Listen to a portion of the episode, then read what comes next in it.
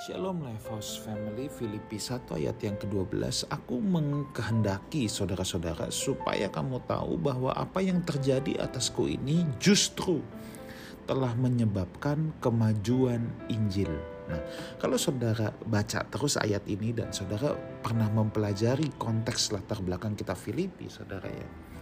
Kita Filipi adalah jemaat yang luar biasa, saudara. Filipi ini jemaat-jemaat yang secara materi tidak berkelebihan tetapi mereka serius, saudara. Mereka serius menolong atau mendukung pelayanan daripada Rasul Paulus ini. Ini luar biasa sekali. Mereka tidak sekaya jemaat di Korintus, tapi untuk urusan mendukung pelayanan Rasul Paulus, wah mereka nomor satu, saudara.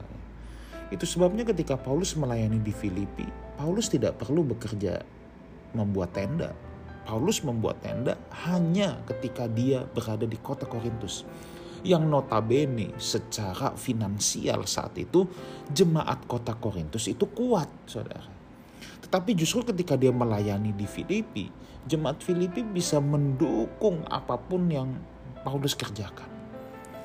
Dan sampai Paulus pergi misi pun ke mana-mana, jemaat Filipi terus mendukung Paulus. Ingat, mereka bukan jemaat kaya seperti Korintus, saudara.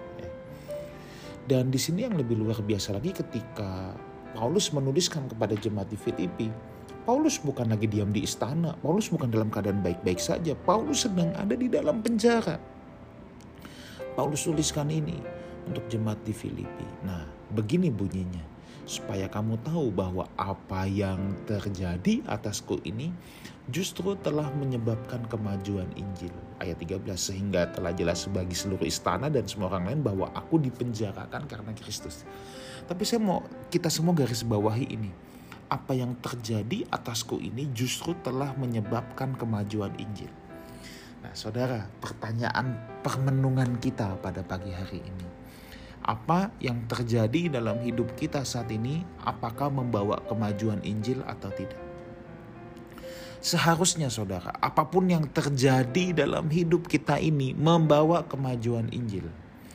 Tidak harus menunggu seperti Paulus di penjara ya, baru bisa membawa kemajuan Injil. Enggak, tetapi seharusnya dalam apa pun sikon hidup kita, kita harusnya membawa kemajuan Injil mau dalam keadaan apa pun kita. Mungkin saudara sekarang sedang diberkati Tuhan luar biasa.